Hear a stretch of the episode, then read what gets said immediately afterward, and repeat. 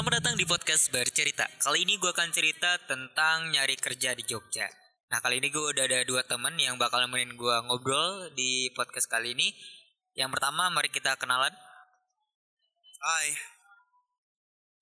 Nama gue Rohmat. Ya udah sih. Eh gua R, singkat aja sih. Oke ini Rohmat sama R ya. Nah kalian tuh udah pernah kerja apa aja di Jogja? Kalau gue dulu tuh pertama kerja itu pasti freelance sih dulu. Eh bukan freelance sih part time ya. Gue mau mulai part time tuh dulu semester 3. Hah? Itu eh, Depan. Eh gue lupa serius. Ah. Iya, Bu. Eh serius itu. Kayaknya itu gue baru rencana deh. Ah. Oh iya itu, iya iya. Oh iya deh. Bukan. Pertama dulu belum sebelum itu sih. Sebelum itu gue tuh part time di salah satu IO, IO buku.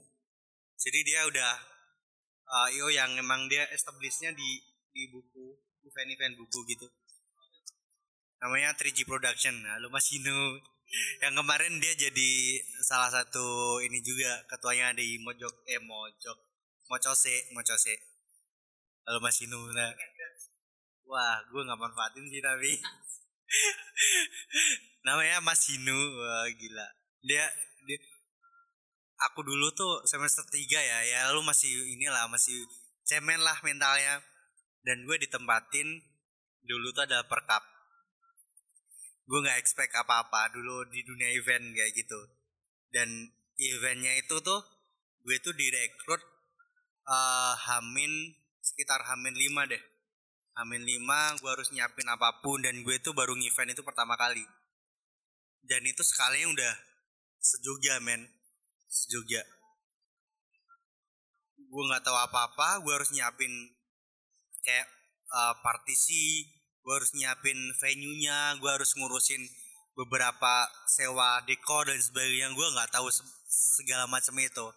Yaudah akhirnya gue tuh ada di di satu titik di mana itu tuh kayak Hamin 2 Hamin 2 semua semua semua venue dan semua partisi itu belum belum ready terus gue kayak disalah ya bukan disalahin sih kayak kayak ya gue itu kan tanggung jawab gue gitu loh dan ya gue kayak ditun sama Mas Inu itu. Gimana sih Mat? Kan kemarin katanya udah deal dan sebagainya gitu. Nah gue kira juga emang udah kayak gitu gitu. Ternyata uh, step step step yang gue lakuin tuh salah gitu. Step yang gue lakuin salah dan gue ak- akhirnya ngeruntut lagi dari awal. Dan itu jam jam 12 gue harus ngangkatin kayak uh, partisi dari dari vendor A ke venue nya jam 12 cuman dua cuman tiga orang. Gue harus balik-balik gue sampai jam 3 pagi. Tuh gue rasanya kayak anjing gue mau nangis. Serius gue tuh ngangkat serius gue ngangkat partisi. Itu tuh kayak gue tuh kayak nggak nggak gue tuh dalam artian anjir gue kayak kayak ya lu semester semester awal udah kerja kayak gini tuh kayak shit man gue nggak pernah kerja. Dibayar gue maksudnya dalam artian gue tuh belum pernah kerja se seberat ini men seberat ini men gitu loh. Dan gue tuh ka- kayak harus ya lu ngangkatin partisi gede-gede men dan cuma tiga orang dan uh, paginya tuh udah udah harus kelar pagi udah harus kelar. Ya udah tuh kita lembur sampai jam 3 pagi dan gua, yang ngangkatin cuma dua orang gue sama temen gue. Udah itu kayak shit man ini kerja kayak gini banget ya. Itu udah kayak gue kendor tuh semangatnya gue kendor udah dari IO terus gue pernah kepikiran uh, buat jualan. Tapi emang gue tuh dari dulu emang dari SMA juga udah ini udah udah jualan-jualan juga gitu loh. Bahkan SM, SD kelas 6 gue tuh udah jualan kayak jualan nggak jualan jual jajanan gitu lah jual SSS gitu. Dan gue pernah nabung dari kelas 6 tuh gue beli HP sendiri anjir gila. HP gue tuh Nokia. Apa sih? Lupa gue. Dan sekampung yang punya cuman gue. Anjir. Kalau kalau di kamu. nggak gue tuh kayak anjir gue bisa kayak gini main kelas enam SD gitu kayak. Bukan Nokia yang udah udah ada kameranya. Yang blur-blur itu. Ya ya gitulah gitu. Dan gue kalau ngegame direbutin banyak orang gitu lah kayak lu lu itu diliatin banyak ya kan kalau orang desa kan ya gitu kan. Tuh gue jualan kalau waktu waktu SM waktu kuliah gue tuh yang diomongin R tadi gue ngambil di salah satu pasar itu kayak jajanan snack-snackan gitu lah. Harganya seribu gue jual 1500 tapi kalau di UGM gue jual 3000 iya. Gue gue jual di UIN itu 1500 gue jual di UGM 3000 nah kenapa? Gue gue pernah lihat di salah satu fakultas di Visipol. Visipol dia jualan donat itu bukan donat pasar men. Jeko men. Dia dia iya gue dia jual Jeko dan cuman dia dia dia dia berapa ya? lima belas ribu atau berapa gitu kayak. Serius serius. Itu tuh dia bawa berapa box dan langsung habis. Gue langsung kayak anjir nih Jeko aja bisa laku segitu. Gue kayaknya wah iya gue kayaknya bisa nih. Cuman tiga ribu gue kayaknya bisa dapat nih. Dan di situ gue punya teman Visipol dia anak anak udah lama gitu lah. Ya udah gue titipin ke temen gue. Gue pertama juga jualan jualan dulu sih. Gue titipin. Gitu terus terus gue juga pernah jadi kurir. Anjir gak sih? Serius. Iya kayaknya itu sebenarnya itu eh sebenarnya gue dulu kan punya ustad musik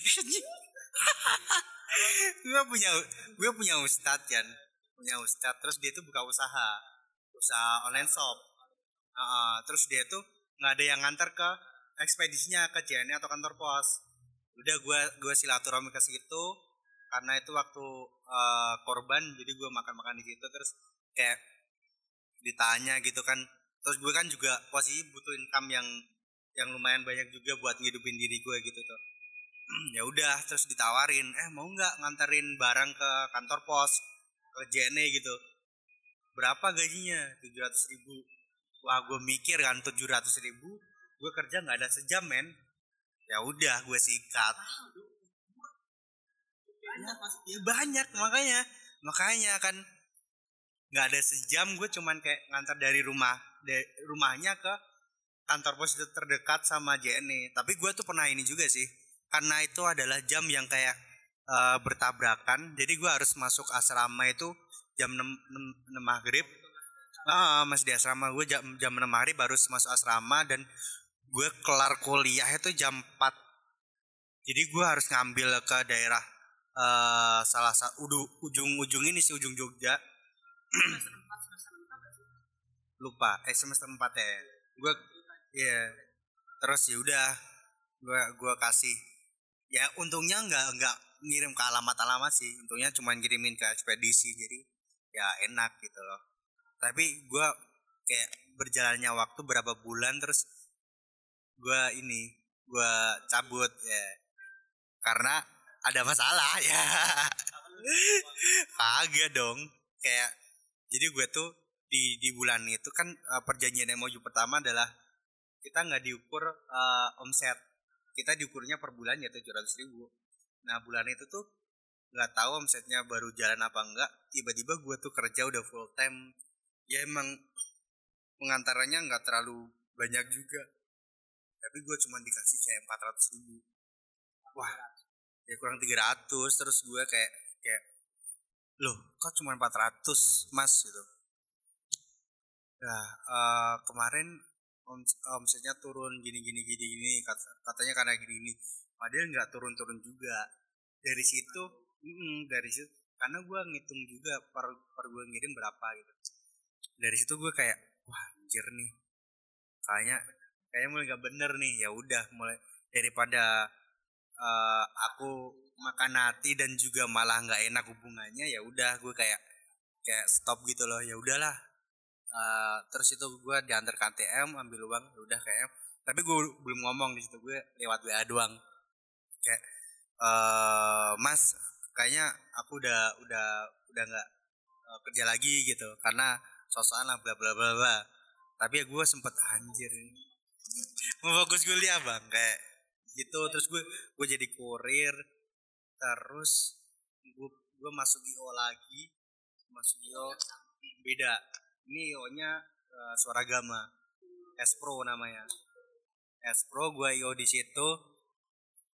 Belum eh, beberapa event gue tanganin. Salah satunya event terbesar adalah Jokes nah gue bikin eh, Jokes bikin ya bikin campaign tentang Jokes di kampus ya udah gue mulai dari develop sampai eksekusi itu gue gaji lumayan lah. Lumayan per hari.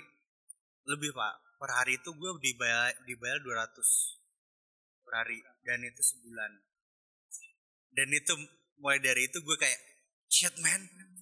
Shit man ya shit man ini uang men anjir. Gue langsung kayak nggak nggak foya foya gue oh enggak eh oh nggak nggak nggak beli kamera. Ya udah gue kayak langsung ya udah nekunin kayak ah ini ini kayaknya jalan ini kayak oke nih jalan hidup gue ini kayaknya bisa terpenuhi dari event nih gitu. Ya udah akhirnya gue ikut beberapa event. Salah satunya ya kayak eh, beberapa konser yang rokok-rokok lah. Banyak sih kayak Magnum gitu tuh bikin konser di mana nah gue gue gue ikut eh, ah satu IO jadi dia tuh IO nya malah kayak S Pro. Ya dia tuh sering seringnya dia kliennya ada rokok. Bikin konser di mana-mana. Bahkan di luar kota gitu loh seringnya. Itu gue mulai dapat dan akhirnya hidup gue kayak wah nggak teratur men. Ini kayak keluar dari rencana hidup gue. Serius gue udah kayak wah ini kayak iya dan dan kerjaan gue kayak anjir gue kerja buat apa sih ini? Kayak kayak gue bertanya kayak gitu kan karena ya lo tuh sehari cuman kayak eh, tiba-tiba bisa kayak cuman istirahat dua jam gitu gitu loh. Kayak eh gue kerja buat apa sih? Kadang gitu loh. Ya udah akhirnya gue break dari situ. Gue break dari io akhirnya gue apa ya gue yang ngenes tuh dulu tuh gue mulai mulai ini sih mulai concern ke eh ya emang dari semester awal ju- gue juga concern ke audio video sih. Tapi belum gue seriusin dalam artian eh, gue punya project sendiri gitu loh. Ya udah terus gue mulai memberanikan diri semester 5 gue eh, caplok beberapa eh, campaign yang membutuhkan audio video. Dan itu oh oh ini lebih works daripada IO itu tadi. Nah IO emang emang duitnya juga lumayan banyak tapi secara kehidupan kayaknya gue nggak hidup normal deh gitu loh. Serius. Nah kalau kalau yang di apa audio video ini di ya, PH lah agensi lah agensi lah. Ya gue lebih bisa manage diri gue dan gue tuh bisa eh spend waktu lebih banyak buat kehidupan yang lain bukan untuk itu doang tapi secara cuan juga udah lumayan gitu loh.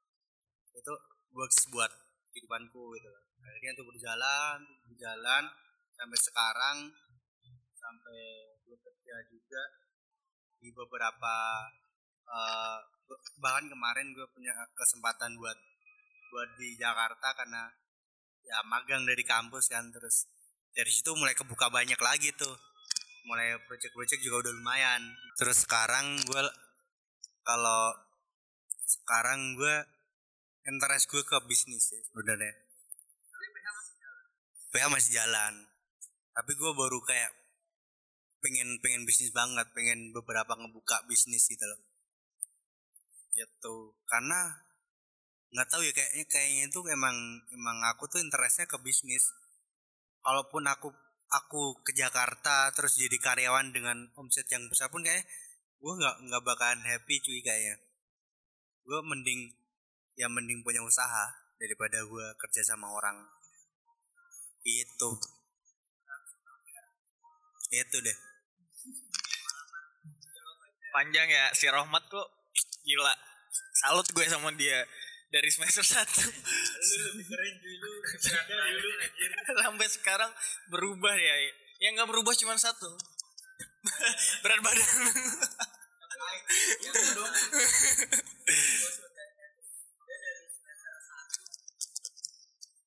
Itu kan tadi dari Rohmat. Nah, sekarang yang gue salut dari Bang R nih, pengalaman kerjanya, dia tuh dari semester 1 tuh udah ngebayang diri sendiri ya gak sih? Dari semester 1 dan dia tuh udah kerja dari apa namanya? dari di restoran yang capek banget tuh. Apa jadi pelayan kan. Terus juga jadi waiters lah. gue juga pernah tahu Eh, bagian lu udah bangsat. ini keren ini kan keren ini. Jadi gue dulu tuh kayak itu semester malahan semester 2 anjir? Itu itu gue tuh dulu nggak punya duit. Eh, bu- bukan bukan. Nggak punya duit terus gue tuh jogging di UGM men. Jogging di UGM terus gue tuh ngeliat orang nikahan. Gue lihat orang ini anjir nih. Gue gue kayak bisa nggak ya cari duit di situ. Terus ternyata eh ownernya ownernya catering itu adalah eh dia salah satu eh, yang yang ya yang donatur ini donat donatur asramaku gitu loh. Ya udah terus kayak gue kerja jadi ini jadi catering. Tapi sehari doang tuh.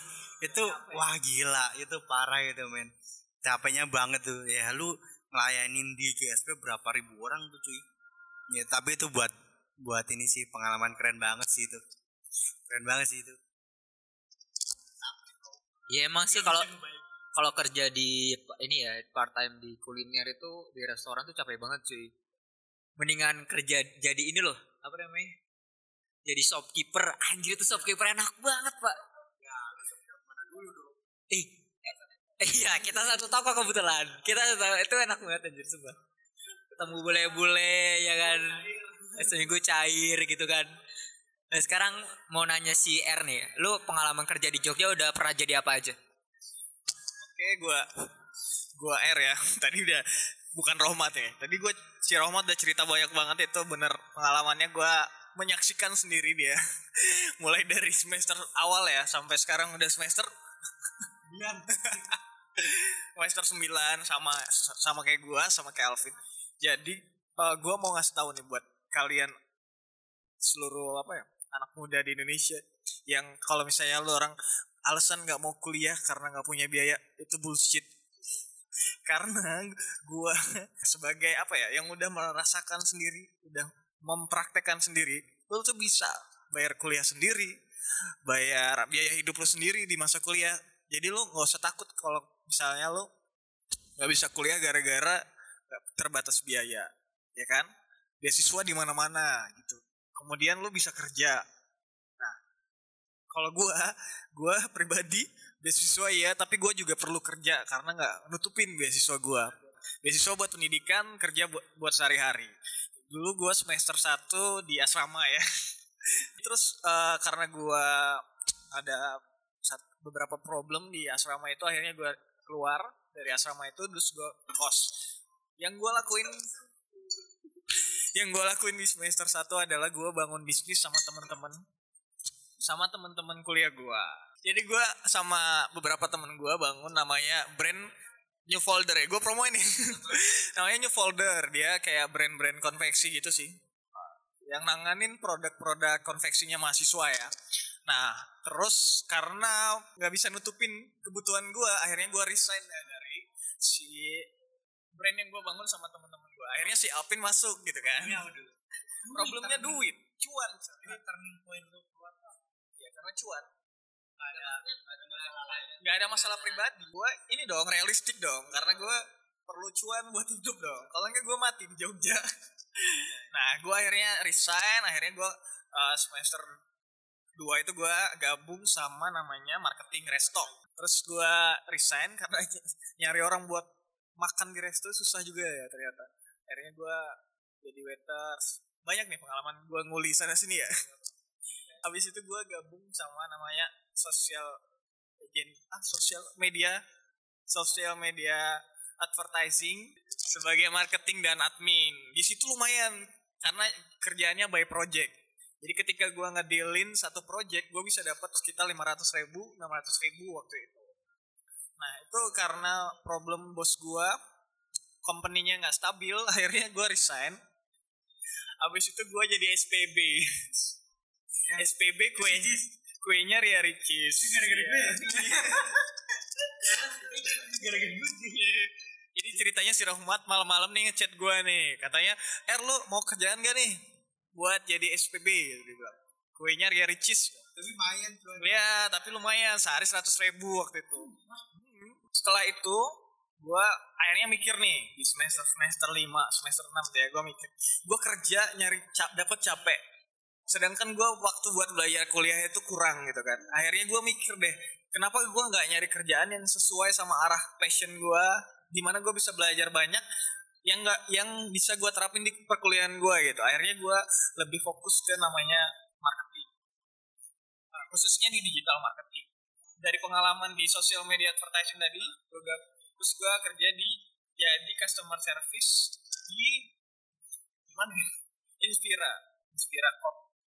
Akhirnya gue resign juga karena waktu itu gue mesti ekspedisi ke pulau terpencil. Ah ekspedisi Nusantara. ya terus gue tinggalin dah kerjaan itu. Setelah itu gue ini kan ekspedisi itu habis itu gue gak ada kerjaan kan. Habis itu gue uh, daftar namanya student ambassador cicil.co.id di situ dimulainya dunia startup buat gue sampai sekarang. Sekarang udah dua tahun gue dicicil nah itu di dunia startup di cicil.co.id itu gue sebagai branding timnya dari startup tersebut terus gue tugasnya promosi digital marketing dan lain-lain sebagainya itu gue kerjain.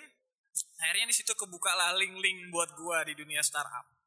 Mulai banyak uh, startup startup yang gue apa ya pahamin gue bisa masuk gitu. Salah satunya terakhir gue gabung di Tokopedia sebagai apa Tokopedia Youth. Itu internship sih lebih tepatnya. Nah, itu gue gabung di situ jadi tim marketingnya juga. Jadi dunia gue tuh sebenarnya nggak jauh dari namanya dunia marketing alias uh, digital marketing khususnya. Dan gue ngerasa sekarang tuh gue sebenarnya anak-anak periklanan yang nyasar di dunia broadcast jurnalistik. Jurusannya harusnya ngarahnya ke periklanan gitu. Terakhir itu sih akhirnya gue sampai sekarang di ruang lingkup circle-nya di dunia startup dan sekarang gue apa ya arahnya ke, ke arah sana gitu. Jadi buat gue ngasih saran sama teman-teman mahasiswa di yang apalagi yang baru-baru nih ya yang baru gabung nih ya. Kalau misalnya lu orang mau nyari kerjaan di Jogja lu tipsnya cari yang sesuai sama passion lo jadi ketika lo kerja lo nggak cuma buang waktu buat nyari duit dong. Gak cuma buang waktu nyari cuan doang. Lo bisa belajar di sana. Contohnya si Rohmat kerja di PH dia bisa belajar banyak di PH itu kan. Jadi dia dapat duit sekaligus belajar. Itu sih menurut gua. Jadi lo bisa ngasah skill lo di tempat kerja lo gitu sekaligus lo dapat duit. Itu sih tips dari gua dan dan juga lo harus hati-hati kalau misalnya kerja di tempat di tempat yang yang gaji lo nggak sesuai gitu. Eh gue gue lupa ceritanya sama lo nih. Gue juga satu kerjaan sama si Alvin di shopkeeper. Shopkeeper di apa salah satu distro ya mau KKN ya waktu itu ya. Ya ya ya. Dan seneng banget kerja di shopkeeper ya udah duduk doang bayaran lo jalan terus dan lo bisa dapat diskon khusus ketika lo belanja di toko tersebut gitu. lebih lebih dong. Lebih dikit. Ya satu lebih dikit uh, kecuali lo banyak lemburan nih. Gitu sih. Itu dari gua. Jadi tips buat lo orang yang mau kerja di Jogja itu ada banyak banget dan hati-hati lo digait sama anak-anak MLM ya. Itu bahaya banget ya. duit lo bakalan habis karena kalau misalnya lo gabung sama dunia MLM kayak gitu. Kalau di soal MLM tuh kan kayak awal-awal kita masuk gitu nggak sih? Kita lagi duduk-duduk di masjid atau di serambi-serambi terus orang-orang tuh keliling serambi masjid anjir. Kayak mas maaf mas ini mau minta nomornya kontaknya wawancara bentar terus di foto tuh kayak ini apaan? gitu kan. Gue pernah gue pernah kayak eh lu ingat Faza gak sih? Faza kan tau kan sama si Putri dulu lu inget gak si Putri? Nah dia kan si Putri kan masuk ke MLM terus dia kayak ngajak gue waktu itu gue masih dekat sama Faza kan. Nah si Putri itu ngajak gue sama Faza. Nah, mereka tuh kayak bisik-bisik gitu. Terus gue kan masih polos kan. Terus si Faza sama Putri bilang, Pin, ntar ikut gue yuk. Gitu kan. Ikut kita yuk ke mana? Udah ikut aja. Ke mana dulu? Udah ikut aja. Ya udah gue percaya kan. Terus anjir dibawa ke satu rumah. Di, iya satu rumah. Speaker dua gede di depan. Terus gue duduk jejerin terus kayak Deket-deket ya? Enggak, beda di daerah ini. Iya iya daerah Exisker, daerah Exisker. Terus kayak gua kayak di sana tuh di sana tuh kayak di brainstorming gitu kan, kayak ah gimana gue lupa pokoknya kata-kata motivasi kayak Mario Teguh anjing itu loh kayak Iya, iya dahsyat. Da- Sampai gue tuh pengen niat kabur kan. Gue niat kabur "Wah, anjir. Gue mau kabur nih. Gue izin sholat maghrib kan. Ditungguin pak. Dijagain. Orangnya tuh nggak sholat. Dijagain. Kan kampret kan. Jadi gue gue dulu awal-awal semester sih. Ini kayaknya riskan juga untuk para maba yang ya di semua semua kampus lah. Karena karena gue dulu kayak burn out banget. Gue mau ngapain nih? Gue dapat dapat dapat duit dari mana nih? Ya udah akhirnya akhirnya gue nong gue nongkrong sih. eh eh, apa ya? Duduk di eh, salah satu apa? kedai eh kedai apa namanya kantin ya di kantin terus gue curhat sama temen gue yang notabene dia adalah yaitu tadi MLM gue masuk eh gue butuh kerja nih gitu. Butuh kerja nih gitu. Terus eh, ada salah satu temennya yang nyamper eh aku ada kerja nih gitu. Se- sehari bisa tiga ratus ribu anjir sehari tiga ribu. Terus aku gue tanya dong eh kerja apaan? Cuman ngaudit ngaudit data doang kok. Nginput input data lo kerjain di rumah juga bisa gitu. Wah juga gue gue langsung kayak muter wah ini ini duit nih tiga ratus ribu lo bisa kerja cuman tiga jaman gitu udah. Akhirnya gue gue yain kita bla bla bla ketemuan di kantornya katanya ya udah gue yain akhirnya gue di gue gue eh di itu di kantornya. Ah ah. tapi gue ngajak teman gue ngajak teman. Dan teman teman gue ini eh sidik lah teman gue teman gue sidik. Untungnya dia tuh aware man ah aware sama sama ini sama produknya MLM itu terus dia langsung kayak search gitu loh produknya eh, apa gue lupa deh produknya. Bukan eh, ya ya Melia itu ah, produknya pokoknya dia langsung search gitu loh terus kayak eh, kriteria MLM gitu terus gue sama sidik baca tuh wah anjir ini bener nih cuy ini bener nih MLM MLM nih MLM terus kayak ya udah itu kan kayak kayak ada settingan gitu loh kita masuk kantornya dia tuh kayak udah ada banyak orang terus terus di di dalam itu tuh kayak semua itu peserta gitu loh. Semua itu peserta terus ya udah lo di prospek lu dapat uang segini lu ntar kalau kalau eh, punya banyak eh, lu ngerekrut banyak orang gitu lu bakalan jadi gini gini gini dan sebagainya. Lah terus sampai pada gue sama Sidik tuh mau pergi. Ya gue udah risih lah sama itu semua. Di situ tuh gue mau untuk, untuk keluar tuh ada penjaganya men. Ada penjaga terus di seberang jalan tuh kayak ada preman-preman gitu loh Ji iya. Terus ya udah gue masuk lagi. Iya gue masuk lagi. Gue, gue kan keluar sosok telepon gitu loh. Ini bang gue mau ada ini nih eh, ketemu sama dosen ngebahas beasiswa gitu lah. Nggak diizinin juga udah nggak apa-apa nggak apa-apa gitu loh. Sampai pada akhir udah udah kelar udah kelar prospek sampai eh, kayak, kayak coaching gitulah kayak coaching. Di satu ti- eh, titik yang paling gue paling gak suka adalah lo punya apa? gitu loh. terus si temen gue ini kan punya laptop bang. Terus aku ngomong punya motor. Ya udah motor lo jual buat modal modal modal ini gitu. Ya ibaratnya tadi dia kan nggak mau nyebut MLM modal ini gitu. Anjir itu lo gue tuh kayak langsung shit man ini nggak bener udah nggak bener nih. Sampai dia tuh mau nganterin nganterin kita ngejualin itu eh, ngejual motor ngejual laptop kita gitu. Ya udah akhirnya kita bener-bener kayak langsung cabut gitu lah cabut kita gas banter itu.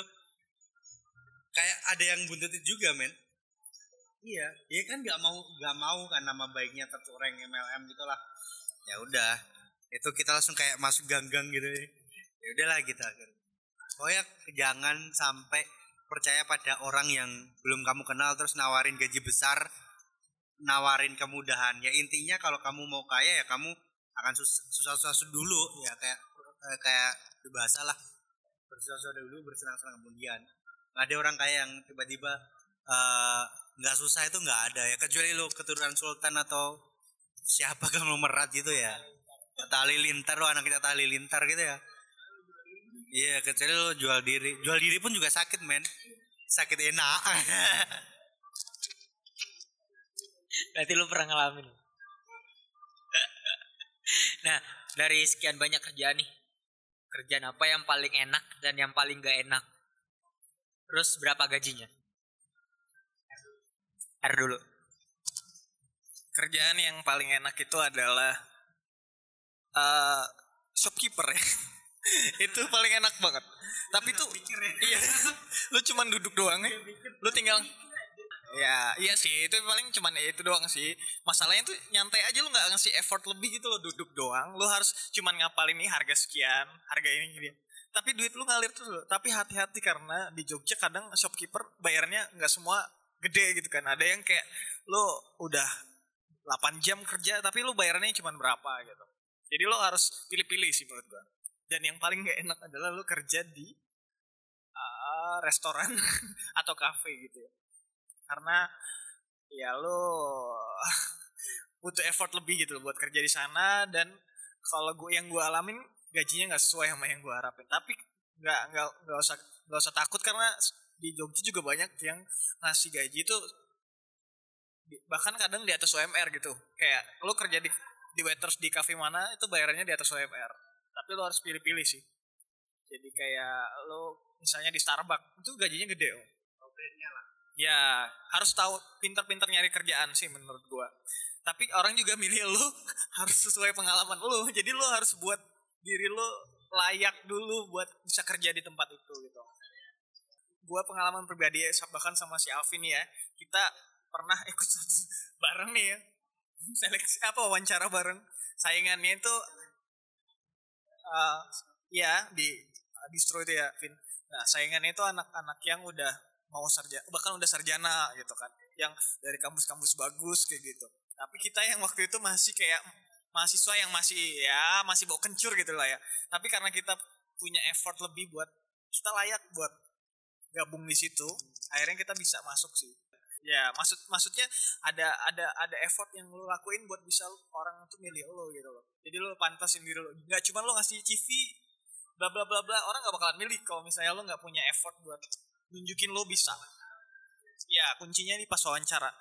Ya sih tipsnya adalah lo bisa nguasain public speaking man kalau misalnya lo wawancara lo nggak bisa ceritain siapa lo orang juga nggak bakalan tahu gitu kan. Coba misalnya si Rohman saya dia dia bisa gabung ke mana-mana pasti karena dia bisa ngomong gitu bahkan Alvin juga baru pertama kali ya tapi karena dia bisa ngasih tahu yang wawancara kalau dia layak akhirnya dia bisa gitu kan.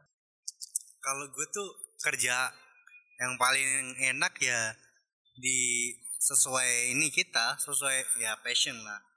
Sesuai passion kita yang di mana passion gue tuh di audio video gitu.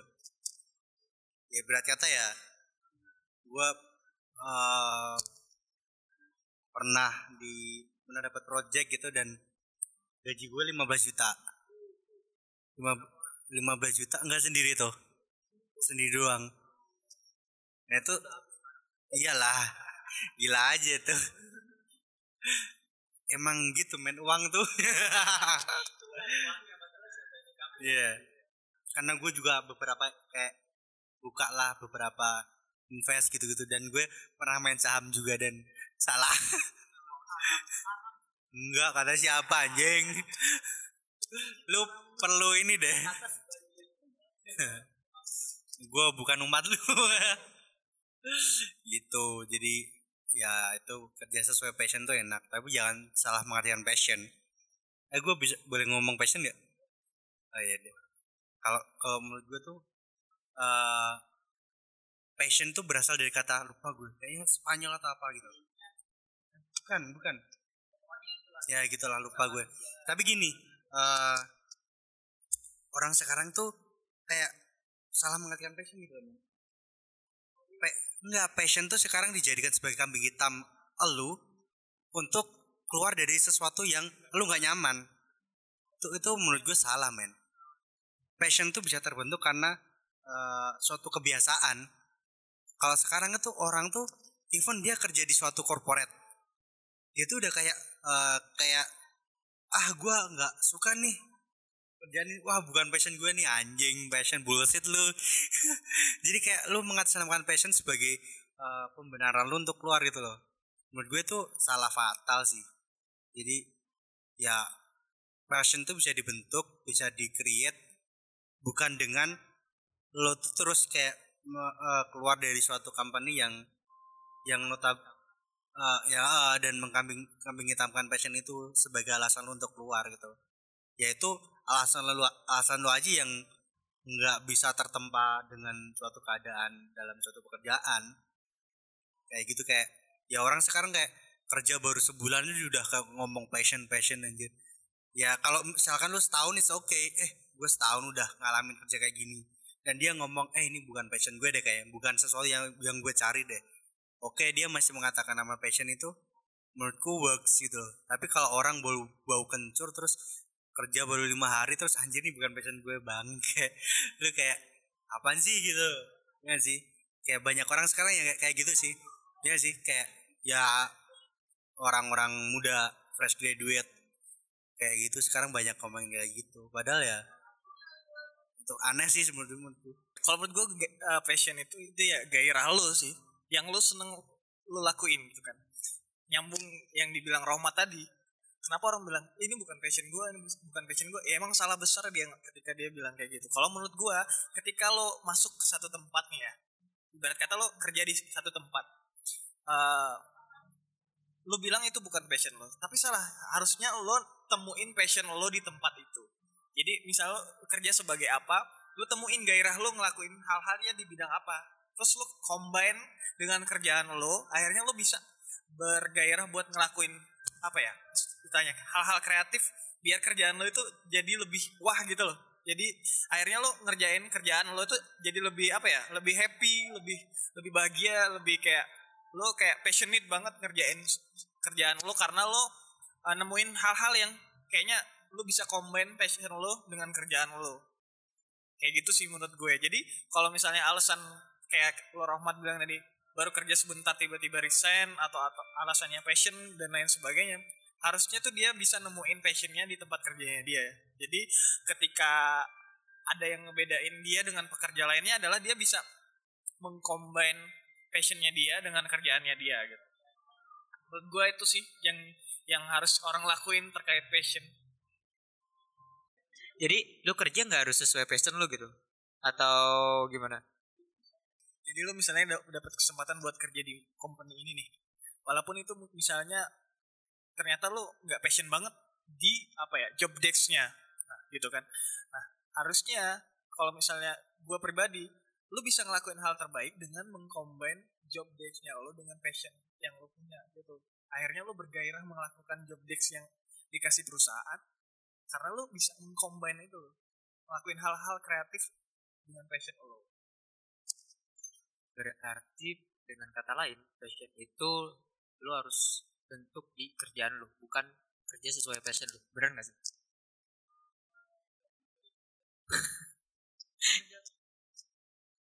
lu mau mulainya di mana gitu loh. Jadi ketika lo mau mulai sesuatu itu yang lo harus lakuin adalah bisa kasih yang terbaik. Lo nggak bisa jadi yang ya gimana kalau gua prinsipnya gua sel- selalu ada yang lebih baik dari gua dan gua bukan yang terbaik.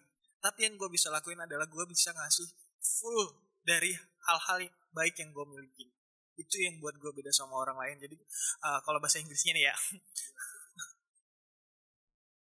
Kalau gue tuh uh, I'm not the best of the best, but I will give full of my best.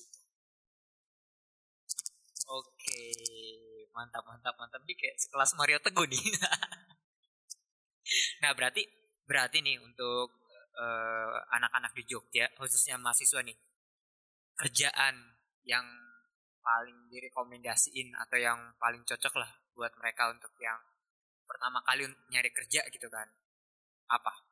Menurut kalian? Rohmat kalau menurut gue tuh tiap orang bakalan beda sih kita nggak nggak nggak punya formula yang tepat untuk setiap orang. Tapi at least ketika lu kerja lu harus tahu pencapaian apa yang lu yang lu mau dapet sih gitu loh. Jadi ibarat kata lu kerja itu bukan kosong gitu loh.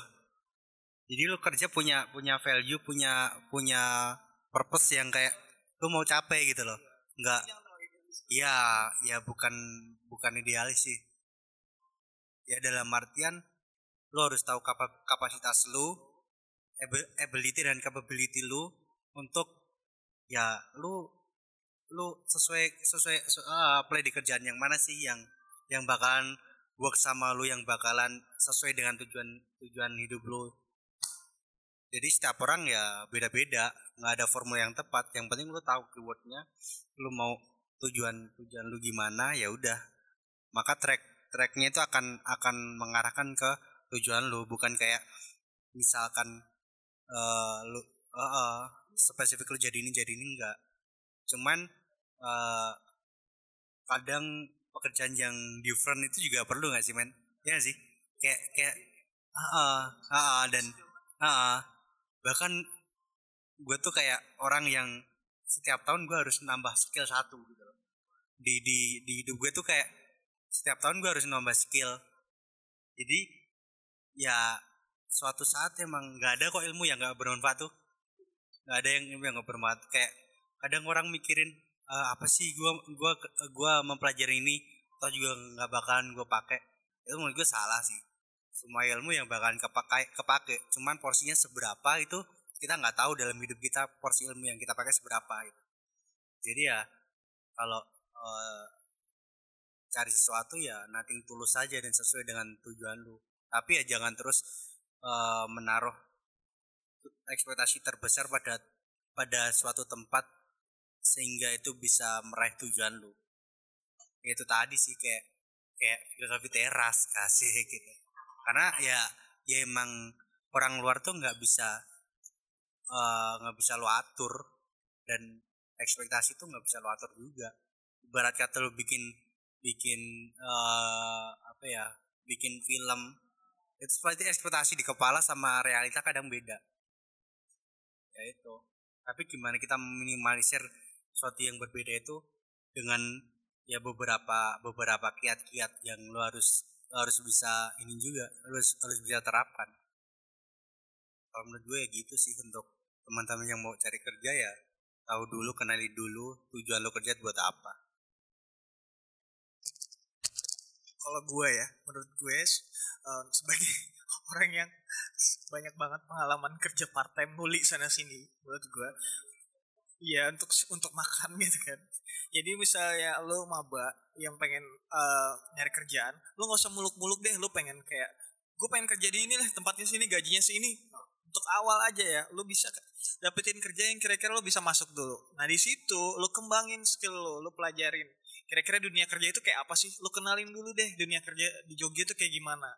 Jadi lo belajar utamanya mungkin public speaking, perga apa ya lo bangun link ke teman-teman lo gitu. Eh, branding. Dan lu menurut gue ya lu harus ngasih yang terbaik gitu.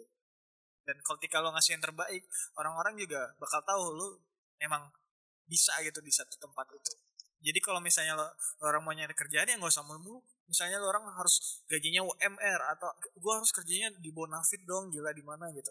Menurut gue kerjain aja apa aja yang kecil-kecil. Itu bahkan nanti yang di tempat kecil itu lo belajar nggak mungkin lo bisa langsung kayak gue nih ya jujur gue juga nggak mungkin langsung kerja di startup. Kalau nggak gue dulu awalnya kerja di cafe.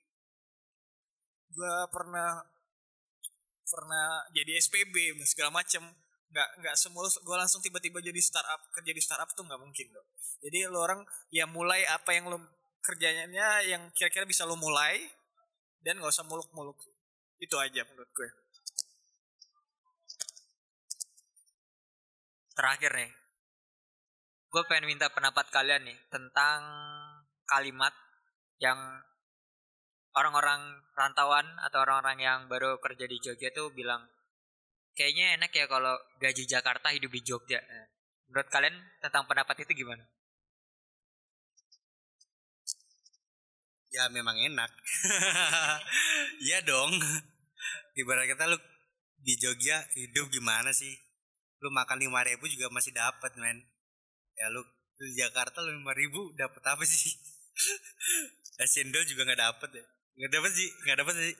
Nggak dapat men. Makanya ya pendapat gue ya ya memang rasional sih. Tapi kalau dari mungkin dong mungkin. Tapi kita tahu dulu sektor yang kita kerjain apa. Kalau lu jadi uh, pekerja yang berat kata dia uh, nggak nggak mempunyai prospek untuk untuk uh, mencapai gaji itu ya ya nggak bakal. Misalkan kita tahu kok kita bisa analisis kok uh, kerja apa yang bisa dapat gaji sesuai dengan gaji Jakarta itu apa. Ya salah satunya menurut gue industri kreatif. Hmm. karena ya industri kreatif nggak nggak mem, nggak mematok kita pada suatu uh, kerjaan yang notabene adalah gaji yang gaji yang tetap gitu loh. Karena kalau startup pun yang aku tahu adalah dia setiap individu itu beda kok gajinya. Startup tuh. Bahkan kayak itu privacy gitu loh gaji itu. Setiap orang sama orang lainnya beda. Satu orang ada yang 5 juta ada yang 8 juta ada yang 10 juta. Karena ya sesuai dengan kapasitas kamu di di, di itu. Ya menurutku kalau kamu mau gaji Jakarta di Jogja ya masuk di industri kreatif. Kalau nggak gitu ya menurutku Jogja itu untuk sebagai pegawai nggak bisa untuk untuk untuk meraih meraih ya pegawai yang biasa loh. Nggak bisa meraih ya sesuai dengan gaji Jakarta. Di Jogja ya nggak tahu kalau formula aku sendiri tuh di Jogja ya pantas buat usaha bukan untuk kerja. Gitu. Gitu sih itu lagi apa ya lagi viral banget ya. Gaji Jog eh, gaji Jakarta hidup di Jogja suhunya Bandung. Ya itu idaman banget sih. Nah masalahnya adalah kita harus apa ya ya lo kalau misalnya mau mau dapat keberuntungan kayak gitu ya lo harus ada usaha gitu. Nah, tapi sekarang pintu udah banyak yang kebuka kok. Startup startup kebanyakan bangun kantor-kantor di Jogja gitu kan. Contohnya beberapa startup itu udah buka di Jogja dan gajinya gaji UMR Jakarta. Tapi uh, jangan lo pikir gaji UMR Jakarta kemudian uh, apa hidup di Jogja lo bisa nyaman gitu kan. Ternyata salah gitu. Ketika lo kerja uh, jauh dari kantor pusat, justru pressure-nya lo itu lebih berat dibandingkan orang yang kerja di kantor pusat. Iya, itu salah satu ya tuntutannya lebih besar di dunia startup. Dan apa ya, ketika lo kerja di uh, kantor cabang istilahnya kan ya uh, lo punya pressure yang lebih besar kemudian lo tuh kayak ng ngatasin masalah itu ribet gitu loh. Lo juga mesti effort misalnya bolak-balik kantor dari Jogja Jakarta segala macem. Ya ada plus minusnya sih kalau menurut gua. Cuman ketika lo emang mau milih jalan itu ya itu keberuntungan buat lo sih. Dan apa nggak salah kalau misalnya lo mau nyari hal-hal kayak gitu karena emang pintu udah ada kayak gitu sih. Banyak kok udah kebuka. Kalau kata ada namanya salah satu mentor juga namanya Mas Indra. Dia itu prom promotor dari JKT48 JKT48 dia ngomong gini ke aku tuh. Nggak ngomong gini. Eh uh, hidup di Jogja tuh lebih susah daripada di Jakarta. Wow. iya kalau di Jogja kamu nggak kerja masih bisa makan kok. Masih ada yang mau ngasih makan. Itu kalau di Jakarta kamu nggak kerja mau dikasih makan siapa gitu nah kalau di Jogja ya nganggur itu mangan no dulu nganggurnya dapat makan gitu. Itu yang membuat terlena gitu loh itu sih. Dan itu nggak bagus buat hidup. Jakarta itu sebenarnya emang keras sih tapi ketika lo mau nyari kerjaan di sana juga setimpal kok sebenarnya. Lo bisa nyari apa kerjaan-kerjaan yang emang bayarannya tuh gede di Jakarta. Cuman ya sebenarnya sama ya. Kalau kerja di Jakarta lo bisa tembus gaji 10 juta kok. Ya dan itu kalau lo terapin di Jogja dengan gaji UMR Jakarta ya sebenarnya sama aja sih Justru di Jakarta tuh lebih banyak bonus yang lo bisa lakuin sebenarnya. Cuman ya godaan lebih berat adalah gaya hidup. Balik lagi kalau misalnya lo di Jakarta, style lo hanya Jakarta, nongkrongnya di tempat-tempat yang mahal ya lo harus bisa jaga diri. Berarti kita bisa kan untuk mendapatkan gaji sebesar di Jakarta dan kita hidup di Jogja gitu kan. Maksudnya kita kerja di Jogja dengan mendapatkan gaji yang sesuai dengan Jakarta lah ya.